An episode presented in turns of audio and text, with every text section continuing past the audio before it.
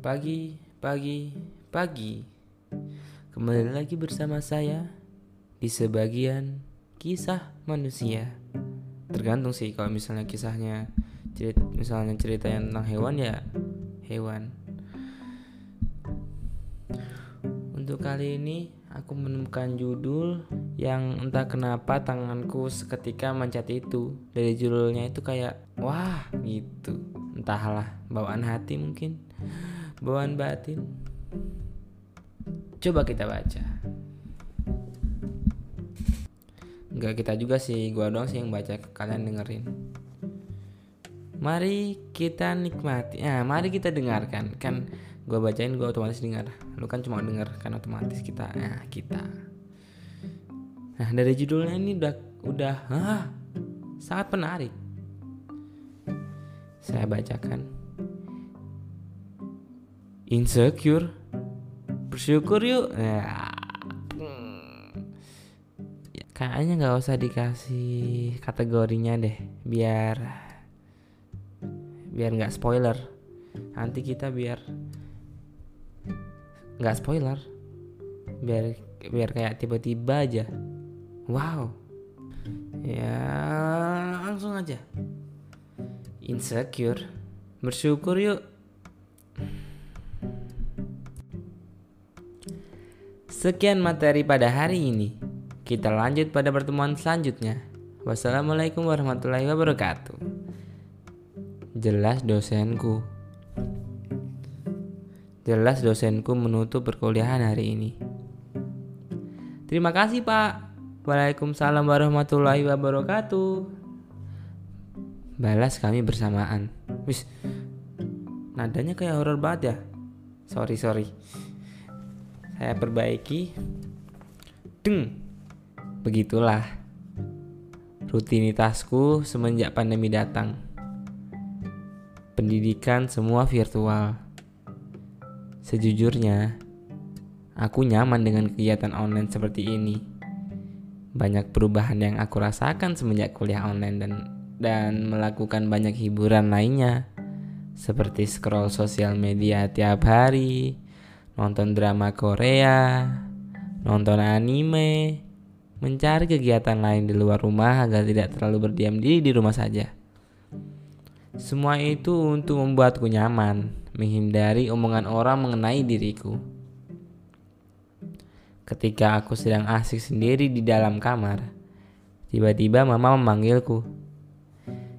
Sheila, Sheila, tolong belikan pecel lele yang di depan masjid. Mama lagi males masak. Beli dua porsi ya, sekalian untuk makan kamu juga. Pinta mama kepadaku. Oh alah, oh alah, kirain ada apa mah. Oke. Ja jawabku kepada mama. Setelah itu, aku langsung bersiap-siap mengganti pakaianku untuk keluar rumah. Terkadang, aku malas menggunakan masker apabila jaraknya dekat. Lagi pula, jarak dari rumah ke masjid tidak begitu jauh. Jadi, keputuskan tidak menggunakan masker. Sejujurnya, aku paling malas untuk keluar rumah. Banyak hal yang terkadang membuat aku overthinking, terutama mengenai hal-hal menyangkut kata perempuan. Setiap aku menyusuri, setiap aku menyusuri jalan, apalagi bila melewati segerombolan laki-laki seusiaku, pasti mereka selalu mencomok aku dengan ucapan seperti Wah, badak baru keluar. Eh, badak ba badak baru, badak. Wah, gimana gimana? Oh, oh, badak baru keluar, eh. Kurang lebih begitu. Atau apabila bertemu perempuan lain yang tidak aku kenal, pasti mereka berbisik-bisik dan terdengar seperti Ih, dia jerawatan banget ya. Pasti nggak pernah dirawat tuh ya. Pasti nggak pernah dirawat tuh wajahnya. Dan sebagainya. Body shaming. Ya, Kata tersebutlah yang menggambarkan itu semua. Menggambarkan perilaku yang membuat psikologi seseorang terganggu. Dengan hanya mengucapkan satu kalimat ataupun pandangan tidak mengenakan.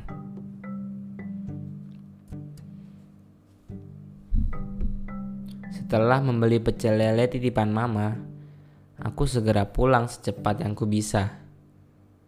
Aku sudah membisa, aku sudah membiasakan diri untuk tidak menanggapi omongan orang lain ataupun pandangan yang lain terhadap aku. Aku benar-benar tidak peduli. Namun banyak hal yang aku rasakan. Lelah, ingin berteriak. Tapi semua beban itu hanya bisa aku pendam sendiri. Begitulah bila ti begitulah bila tinggal di eh, gimana gimana? Begitulah bila tinggal di ibu kota Jakarta.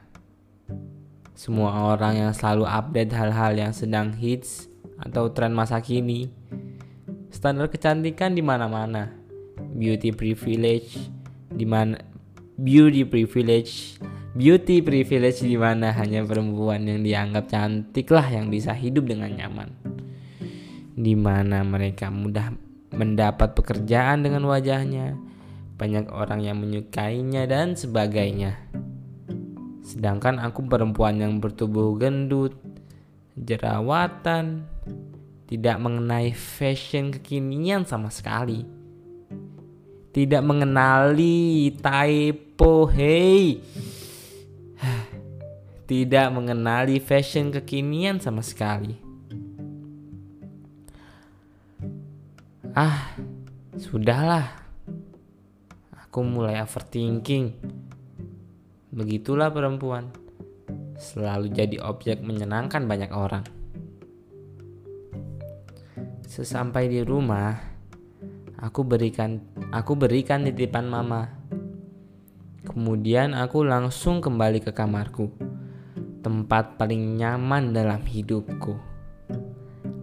Perlahan-lahan aku lelah dengan semua standar kecantikan, hingga aku coba pelan-pelan selama pandemi ini merubah diriku.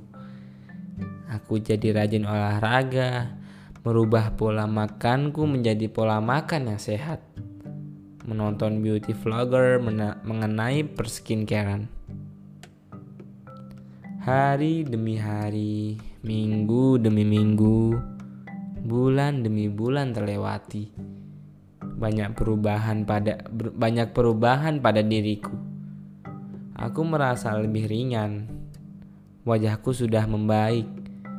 Dan yang paling aku tidak sangka adalah perubahan diriku yang entah ini sudah memenuhi standar kecantikan atau tidak. Namun aku sudah tidak pernah mendengar cemo cemoohan orang lain kepadaku. Perlahan-lahan aku mengubah diriku. Belajar fashion, belajar make up, semuanya aku pelajari untuk mengisi kegiatan lain selain kuliah online. Aku pelan-pelan membuka Instagram eh Aku pelan-pelan membuka Instagramku yang sudah lama tidak kubuka selama aku memperbarui, memperbarui diriku. Memperbarui diriku. Aku coba mengupload wajahku yang sudah kuhiasi make up.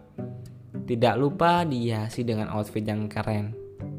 Satu dua foto yang ku upload ke Instagram. Ketika aku tutup handphoneku, ketika aku tutup handphoneku, nah gitu Aku tidak ingin melihat komentar dan respon teman-temanku di Instagram. Aku masih terlalu takut. Padahal seharusnya tidak harus takut. Aku su aku sudah jadi orang yang baru. Beratku juga sudah turun dari 60 kg menjadi 50 kg. 10 kilo boy. 10 kilo. Sorry, sorry gue kagum sendiri lanjut semua itu butuh perjuangan butuh uang untuk mengubahnya untuk uang yang sendiri untuk uang sendiri pun Untuk uang sendiri pun aku mengumpulkannya dari kerjaan paruh waktuku yaitu yaitu mengajar privat matematika. Alhamdulillah ada pemasukan. Apabila tidak, mungkin semua ini tidak berhasil. Uh, sorry. Aku benar-benar merasa terlahir kembali. Benar-benar merasakan hal-hal baik dalam diriku. Apabila teman mama datang ke rumah, mereka terkejut melihat perubahanku. Mereka mengatakan bahwa, "Wah, ini beneran Sheila. Cantik sekali ya sekarang." "Wah, kamu kurusan ya sekarang. Cantik deh." Atau, "Mau jadi menantu tante." Hmm, wah. Sampai ada yang mengatakan hal itu, aku saja tidak pernah menyangka akan merasakan semua itu. Tetapi entah kenapa aku jadi tidak cepat puas dengan apa yang sudah aku dapatkan sekarang. Aku menjadi lebih perfeksionis. Aku jadi lebih intens melihat diriku.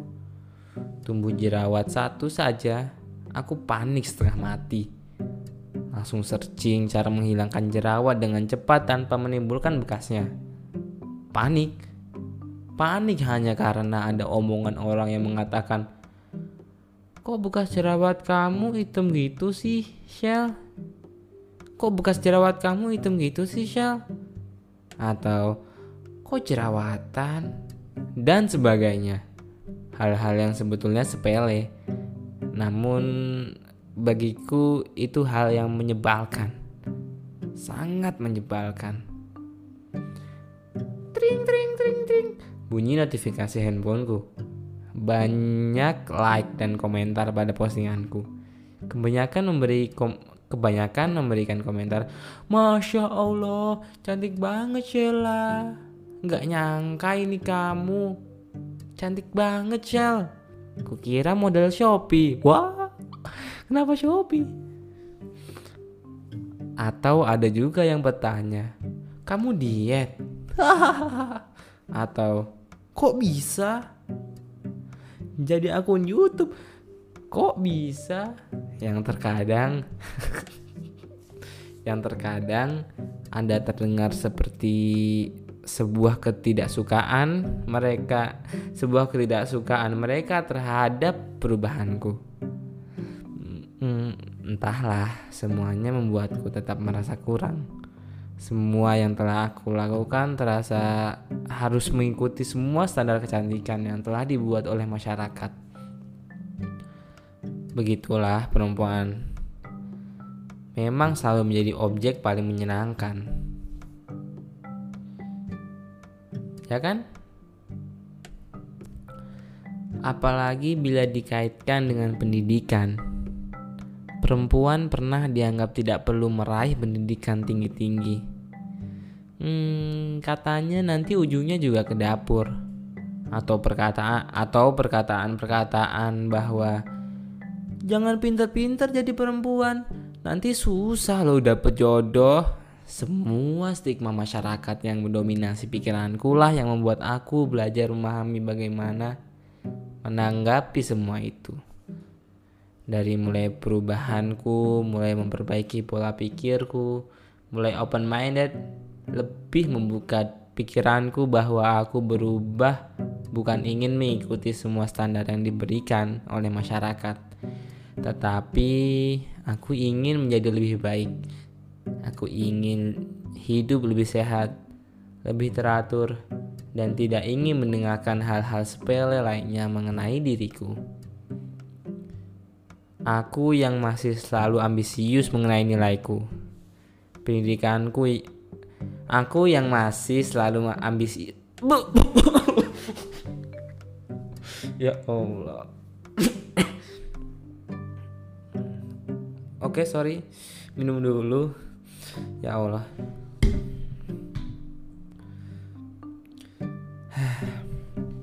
Lanjut. Sorry, tadi lewat. mem mulai memperbaiki pola pikirku, mulai open minded, lebih membuka pikiranku bahwa aku berubah bukan ingin mengikuti semua standar yang diberikan oleh masyarakat. Tetapi aku ingin menjadi lebih baik. Aku ingin hidup lebih sehat, lebih teratur dan tidak ingin mendengarkan hal-hal sepele lainnya mengenai diriku. Aku yang masih selalu ambisius mengenai nilaiku, pendidikanku yang tetap aku jadikan hal nomor satu. Rasanya aku ingin mematahkan semua stigma tersebut. Kalau perempuan boleh sukses, kalau perempuan boleh sukses, kalau perempuan boleh sukses, rasanya aku rasanya aku ingin mematahkan semua stigma tersebut. Kalau perempuan boleh sukses, nah gitu. Perempuan boleh meraih apa yang dia inginkan. Perempuan bebas. Perempuan boleh jadi terdepan. Perempuan boleh meraih pendidikan tinggi-tinggi. Semua itu menghiasi pikiranku sekarang. Sheila yang sekarang sudah berubah. Sheila sekarang lebih kuat dari sebelumnya. Semuanya dimulai dari semua dimulai dan diakhiri dengan perjuangan. Asam, manis, pahit, semua kurasakan.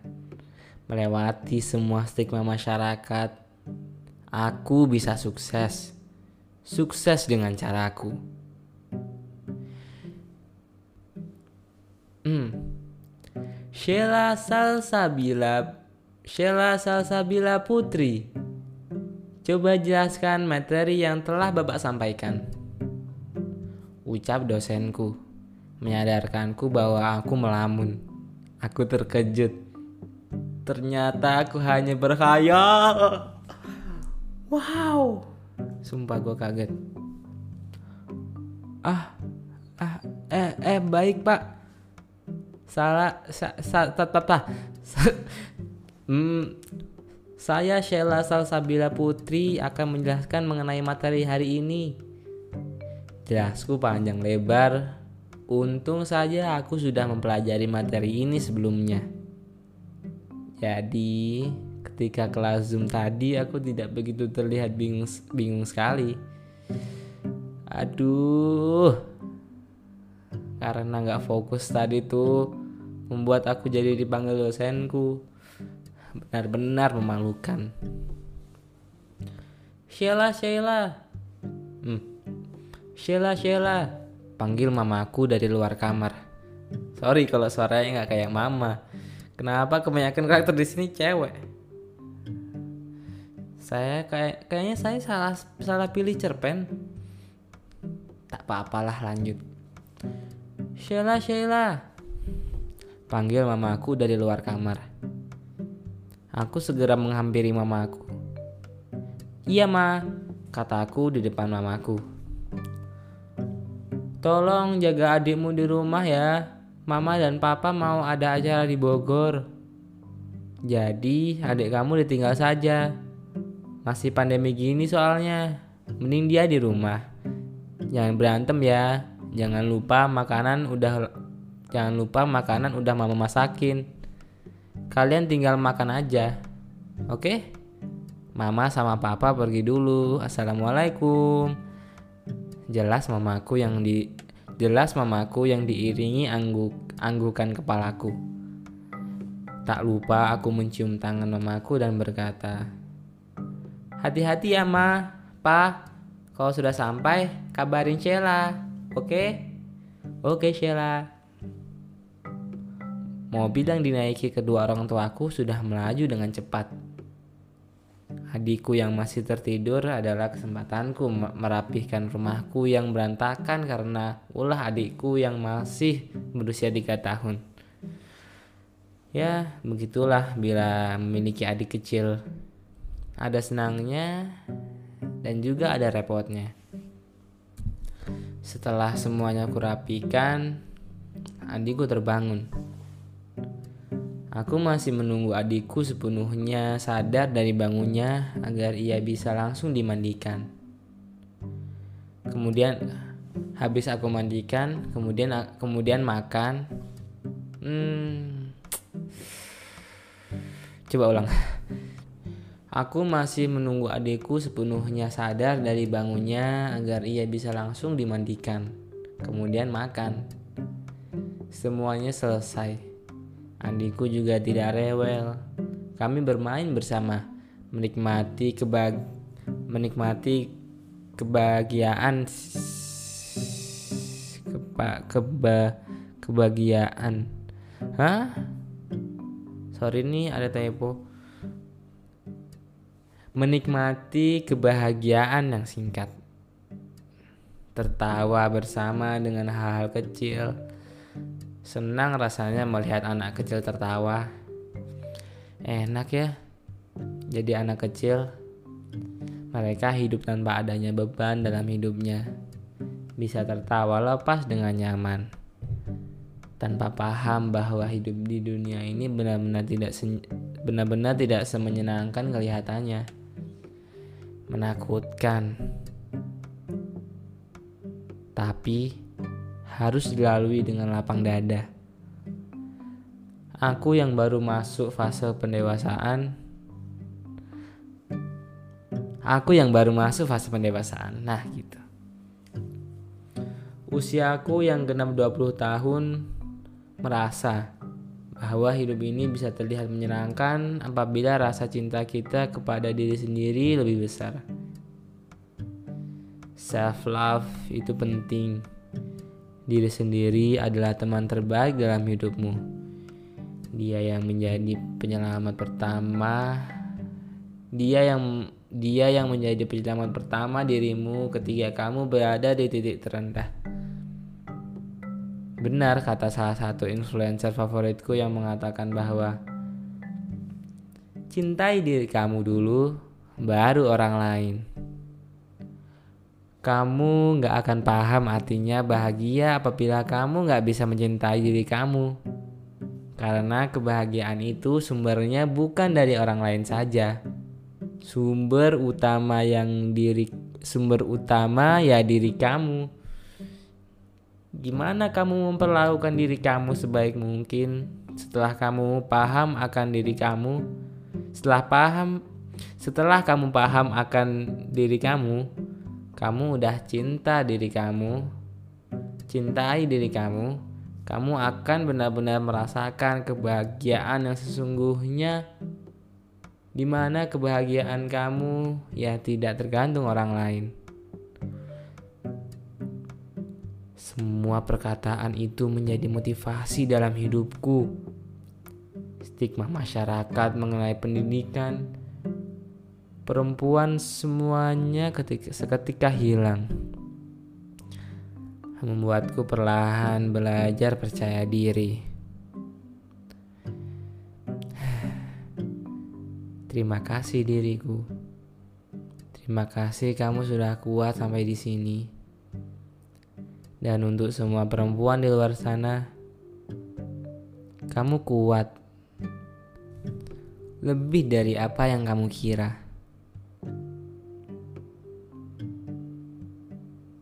Cerpen karangan Zarwanda Adani Fiandri. Saya merupakan mahasiswa Universitas Negeri Padang, Prodi Sastra Indonesia semester 4. Cerpen Insecure cerpen yang berjudul Insecure Bersyukur Yuk merupakan cerita pendek karangan Zarwanda Adani Fiandri. Kamu dapat mengunjungi halaman khusus penulisnya untuk membaca cerpen-cerpen terbaru buatannya. Kamu suka cerpen ini? Share dong ke temanmu. Nah,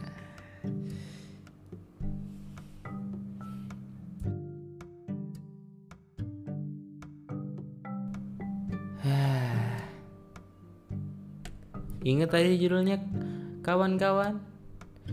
Insecure. Bersyukur yuk. Nah, coba kita pakai suara rada-rada cewek. Insecure. Kalau misalnya yang gue dapat dari cerita ini sih gue nggak begitu relate ya kalau misalnya ngomongin tentang percewek percewekan percewekan ya make up atau overthinkingnya cewek cowok kayaknya beda yang aku tahu pemahaman cowok soal make up jerawat dan lain-lain kayaknya nggak se pressure-nya itu nggak segede kaum kalian kalau misalnya kalian perempuan. Cuma aku memang ya cuma kalau ngomongin soal cewek bisa benar kamu sebagai perempuan punya berhak untuk menjadi pintar untuk lulus S2, S2, S3 maupun gak sekolah tapi kamu tetap belajar. Maksudnya yang aku rasa kalian punya privilege besar pre, pre, privilege besar sebagai kalian sebagai menjadi seperti kalian ini khususnya yang perempuan kalian bisa dibilang bebas untuk menjadi apa yang kalian inginkan. Bebas untuk menjadi orang hebat menjadi orang mahir dalam menulis, mahir dalam menggambar, mahir dalam fotografi, mahir dalam public speaking, ataupun kalian sama sekali tidak ada niat besar, nggak ada tujuan besar yang mini, ya minimal lulus kuliah itu pun kalian masih aman di masa depan kalau misalnya kalian menemukan pasangan suami yang bakal jadi imam yang baik untuk keluarga kalian. Aku rasa kalian benar-benar mempunyai hak sebesar itu, hak sebebas itu. Yang kemungkinan ada beberapa laki-laki yang kadang ingin menjadi seperti kalian, bukan jadi seperti perempuan, maksudnya mempunyai kebebasan selayaknya kalian yang kita buka di sini gue bukan mau bukan maksud untuk apa namanya membedakan membedakan apa namanya membedakan laki-laki dan perempuan. Kan zaman sekarang kan omongannya kan mem memeratakan gen apa sih namanya bukan genre. Mem menyamakan jenis kelamin eh jenis kelamin menyamakan jenis kelamin. Menyamakan hak atas cewek cowok.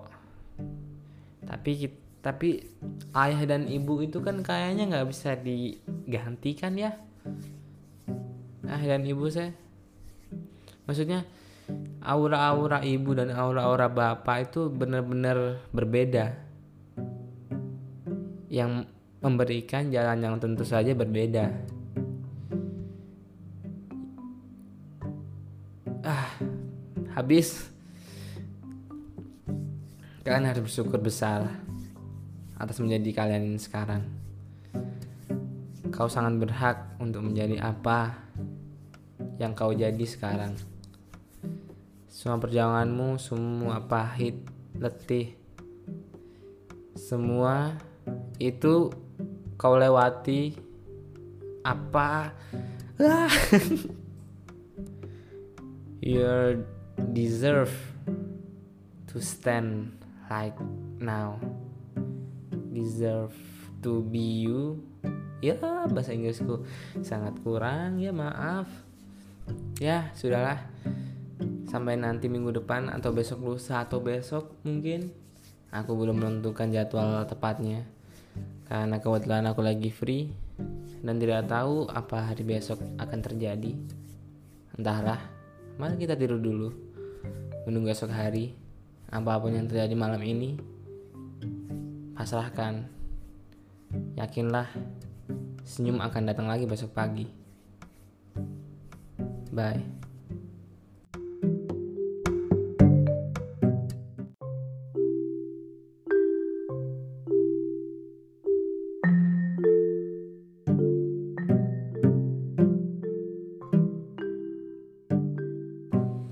Pagi, pagi, pagi. Kembali lagi bersama saya di sebagian kisah manusia tergantung sih kalau misalnya kisahnya cerita, misalnya cerita yang tentang hewan ya hewan untuk kali ini aku menemukan judul yang entah kenapa tanganku seketika mencet itu. Dari judulnya itu kayak wah gitu. Entahlah, bawaan hati mungkin, bawaan batin. Coba kita baca. Enggak kita juga sih, gua doang sih yang baca, kalian dengerin. Mari kita nikmati. Nah, mari kita dengarkan. Kan gue bacain gue otomatis dengar lu kan cuma denger kan otomatis kita nah kita nah dari judulnya ini udah udah ah, sangat menarik saya bacakan insecure bersyukur yuk. Ya, ya kayaknya nggak usah dikasih kategorinya deh biar biar nggak spoiler. Nanti kita biar nggak spoiler. Biar biar kayak tiba-tiba aja. Wow. Ya langsung aja. Insecure. Bersyukur yuk Sekian materi pada hari ini. Kita lanjut pada pertemuan selanjutnya. Wassalamualaikum warahmatullahi wabarakatuh. Jelas dosenku. Jelas dosenku menutup perkuliahan hari ini. Terima kasih Pak. Waalaikumsalam warahmatullahi wabarakatuh. Balas kami bersamaan. Wis, nadanya kayak horor banget ya. Sorry sorry. Saya perbaiki. Deng. Begitulah rutinitasku semenjak pandemi datang. Pendidikan semua virtual Sejujurnya, aku nyaman dengan kegiatan online seperti ini. Banyak perubahan yang aku rasakan semenjak kuliah online dan dan melakukan banyak hiburan lainnya seperti scroll sosial media tiap hari, nonton drama Korea, nonton anime, mencari kegiatan lain di luar rumah agar tidak terlalu berdiam diri di rumah saja. Semua itu untuk membuatku nyaman, menghindari omongan orang mengenai diriku. Ketika aku sedang asik sendiri di dalam kamar, tiba-tiba mama memanggilku. Sheila, Sheila, tolong belikan pecel lele yang di depan masjid. Mama lagi males masak. Beli dua porsi ya, sekalian untuk makan kamu juga. Pinta mama kepadaku. Oh alah, oh alah, kirain ada apa mah. Oke. Ja jawabku kepada mama. Setelah itu, aku langsung bersiap-siap mengganti pakaianku untuk keluar rumah. Terkadang, aku malas menggunakan masker apabila jaraknya dekat. Lagi pula, jarak dari rumah ke masjid tidak begitu jauh jadi, kuputuskan tidak menggunakan masker. Sejujurnya aku paling malas untuk keluar rumah. Banyak hal yang terkadang membuat aku overthinking, terutama mengenai hal-hal menyangkut kata perempuan. Setiap aku menyusuri, setiap aku menyusuri jalan, apalagi bila melewati segerombolan laki-laki seusiaku, Pasti mereka selalu mencomok aku dengan ucapan seperti Wow, badak baru keluar weh. Eh, badak ba badak baru, badak. Wah. Gimana gimana? Oh. Wow. Badak baru keluar eh. Kurang lebih begitu atau apabila bertemu perempuan lain yang tidak aku kenal, pasti mereka berbisik-bisik dan terdengar seperti, "Ih, dia jerawatan banget ya." Pasti nggak pernah dirawat tuh, ya. pasti nggak pernah dirawat tuh wajahnya, dan sebagainya. Body shaming, ya kata tersebutlah yang menggambarkan itu semua menggambarkan perilaku yang membuat psikologi seseorang terganggu. Dengan hanya mengucapkan satu kalimat ataupun pandangan tidak mengenakan.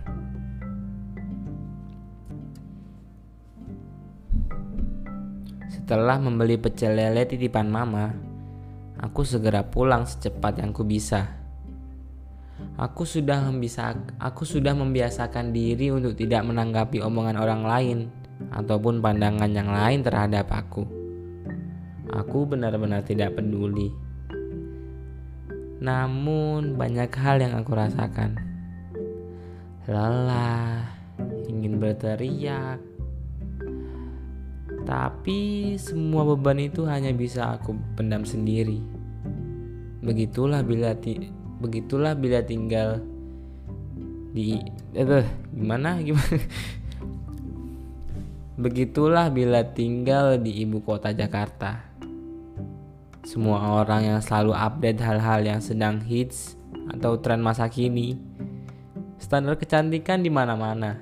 Beauty privilege di mana beauty privilege. Beauty privilege di mana hanya perempuan yang dianggap cantik lah yang bisa hidup dengan nyaman. Di mana mereka mudah mendapat pekerjaan dengan wajahnya banyak orang yang menyukainya dan sebagainya. Sedangkan aku perempuan yang bertubuh gendut jerawatan tidak mengenai fashion kekinian sama sekali tidak mengenali typo hey.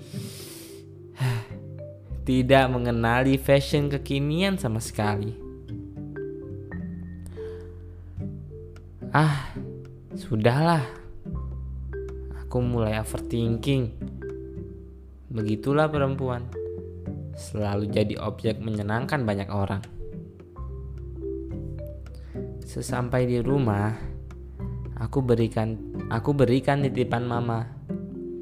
Kemudian aku langsung kembali ke kamarku. Tempat paling nyaman dalam hidupku. Perlahan-lahan aku lelah dengan semua standar kecantikan. Hingga aku coba pelan-pelan selama pandemi ini merubah diriku. Aku jadi rajin olahraga, merubah pola makanku menjadi pola makan yang sehat menonton beauty vlogger mengenai perskincarean. Hari demi hari, minggu demi minggu, bulan demi bulan terlewati. Banyak perubahan pada banyak perubahan pada diriku. Aku merasa lebih ringan. Wajahku sudah membaik. Dan yang paling aku tidak sangka, adalah perubahan diriku yang entah ini sudah memenuhi standar kecantikan atau tidak. Namun aku sudah tidak pernah mendengar cemo cemoohan orang lain kepadaku.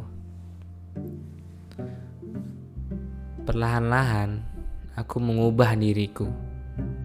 Belajar fashion, belajar make up, semuanya aku pelajari untuk mengisi kegiatan lain selain kuliah online Aku pelan-pelan membuka Instagram eh apa? aku pelan-pelan membuka Instagramku yang sudah lama tidak aku buka selama aku memperbarui, memperbarui diriku. Memperbarui diriku. Aku coba mengupload wajahku yang sudah kuhiasi make up. Tidak lupa dihiasi dengan outfit yang keren. Satu dua foto yang ku upload ke Instagram. Ketika aku tutup handphoneku, ketika aku tutup handphoneku nah gitu. Aku tidak ingin melihat komentar dan respon teman-temanku di Instagram. Aku masih terlalu takut. Padahal seharusnya tidak harus takut. Aku su aku sudah jadi orang yang baru. Beratku juga sudah turun dari 60 kg menjadi 50 kg 10 kilo boy 10 kilo. Sorry sorry. Gue kagum sendiri. Lanjut. Semua itu butuh perjuangan. Butuh uang untuk mengubahnya. Untuk uang yang sendiri untuk uang sendiri pun untuk uang sendiri pun aku mengumpulkannya dari kerjaan paruh waktuku yaitu yaitu mengajar privat matematika Alhamdulillah ada pemasukan. Apabila tidak, mungkin semua ini tidak berhasil. Uh, sorry. Aku benar-benar merasa terlahir kembali.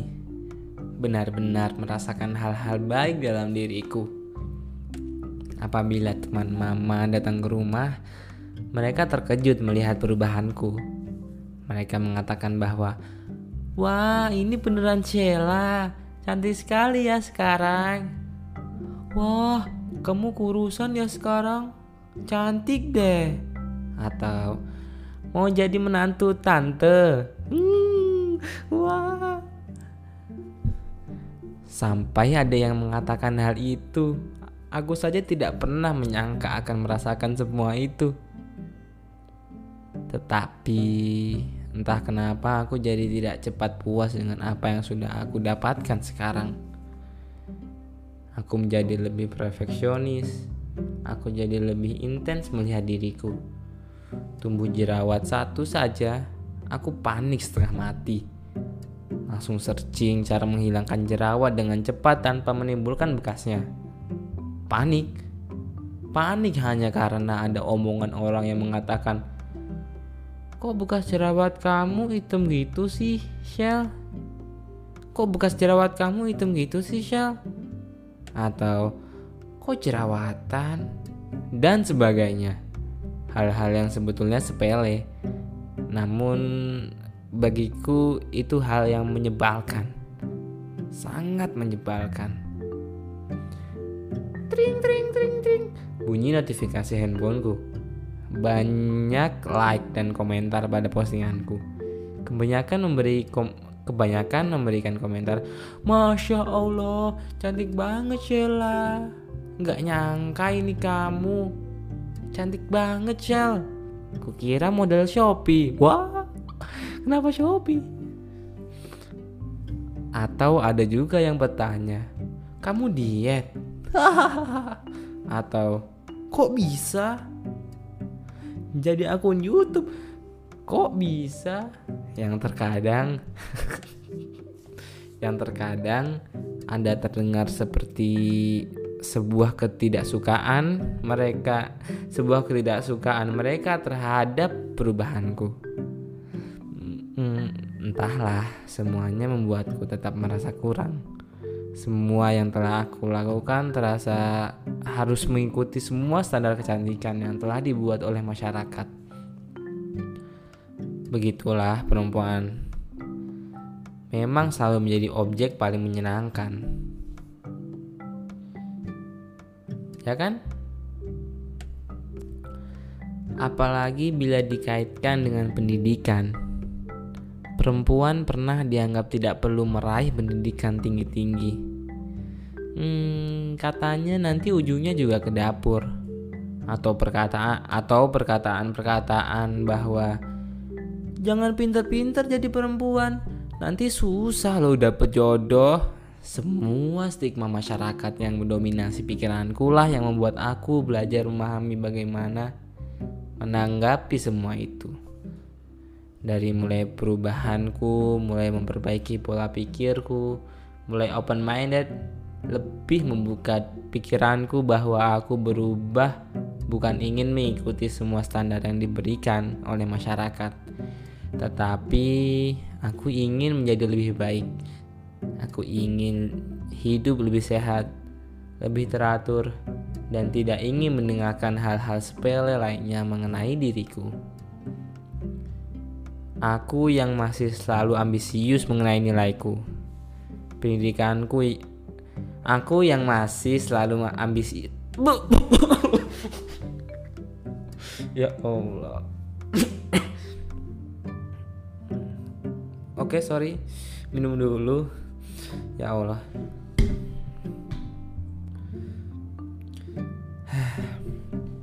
Lanjut. Sorry tadi lewat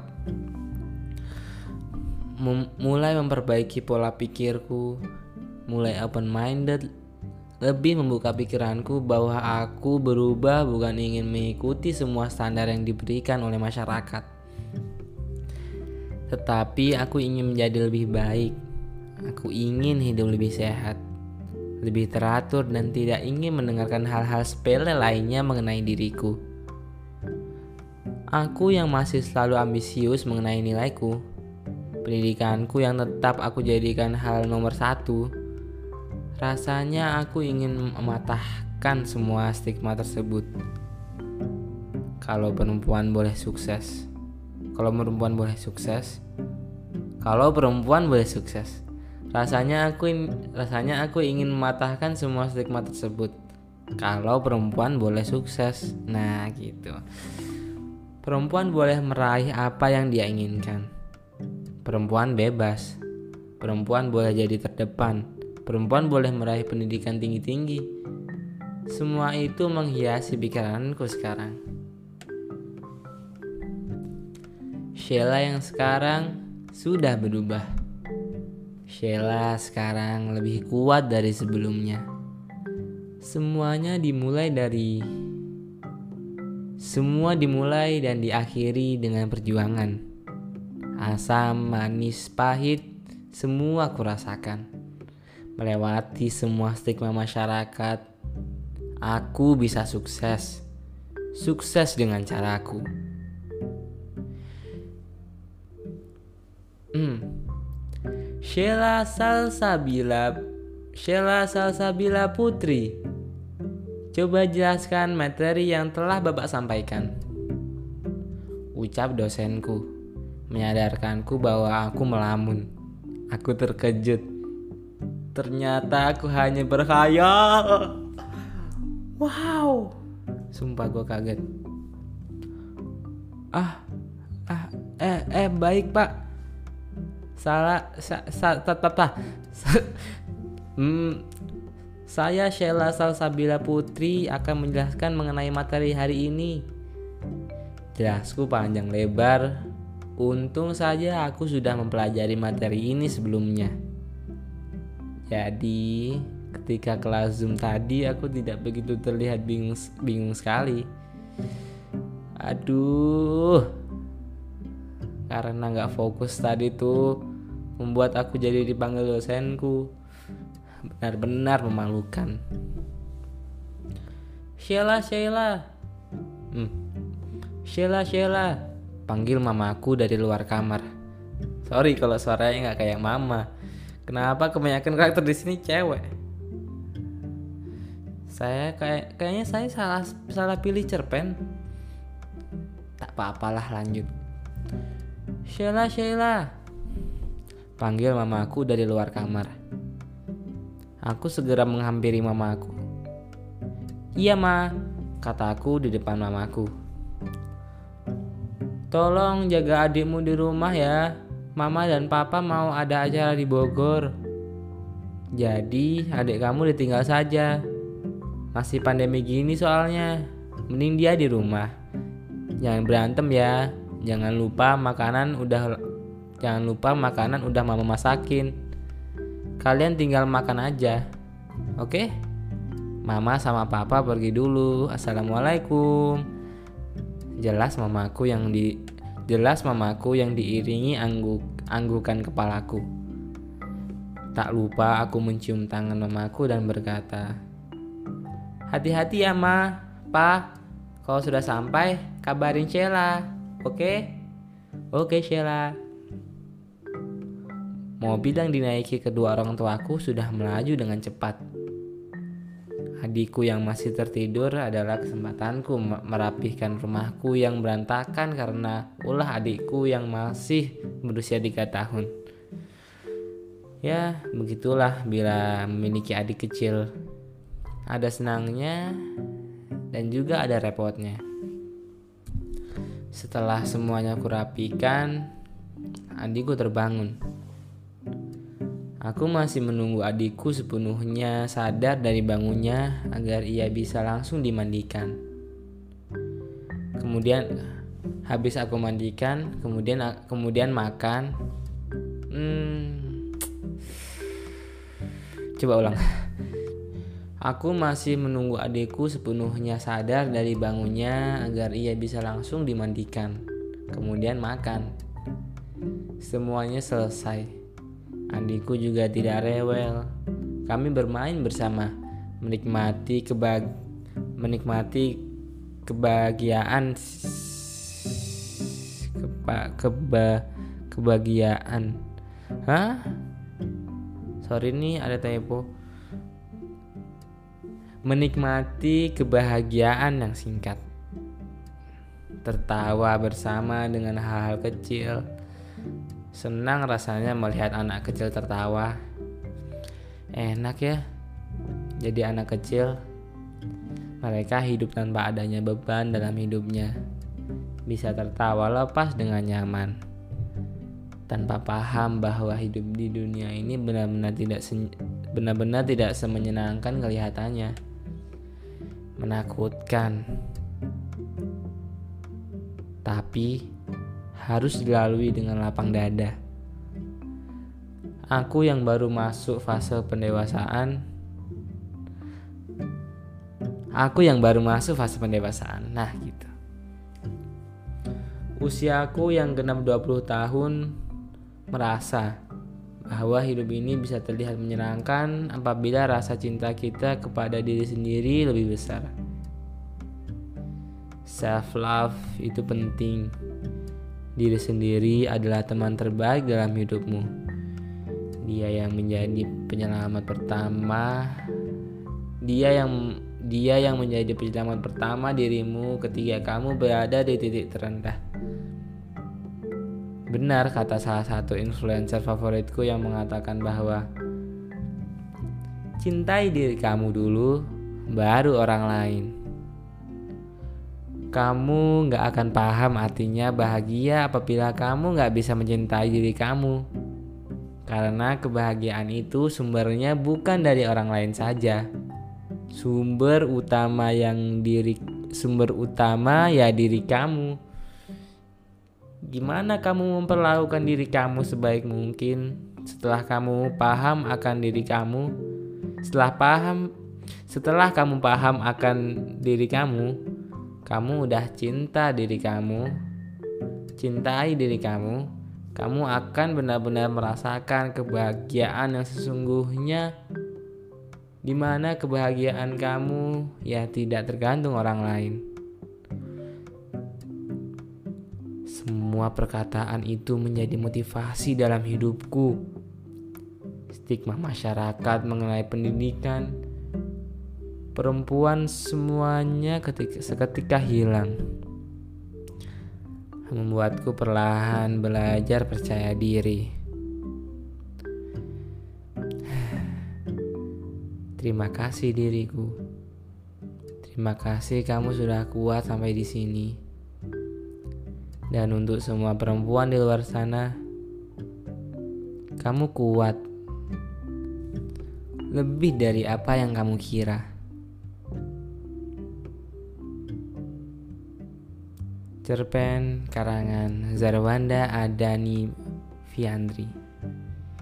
Saya merupakan mahasiswa Universitas Negeri Padang Prodi Sastra Indonesia semester 4 Cerpen Insecure Cerpen yang berjudul Insecure Bersyukur yuk merupakan cerita pendek karangan Zarwanda Adani Fiandri kamu dapat mengunjungi halaman khusus penulisnya untuk membaca cerpen-cerpen terbaru buatannya.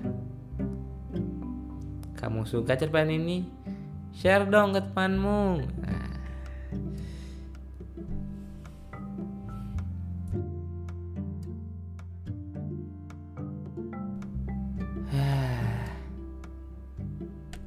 Ingat tadi judulnya kawan-kawan? Insecure bersyukur yuk. Nah coba kita pakai suara rada-rada cewek insecure. Ya. Kalau misalnya yang gue dapat dari cerita ini sih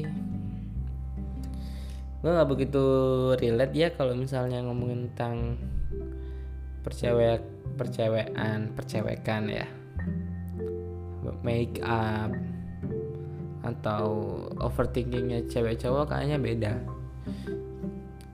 yang aku tahu pemahaman cowok soal make up jerawat dan lain-lain kayaknya nggak se pressure-nya itu nggak segede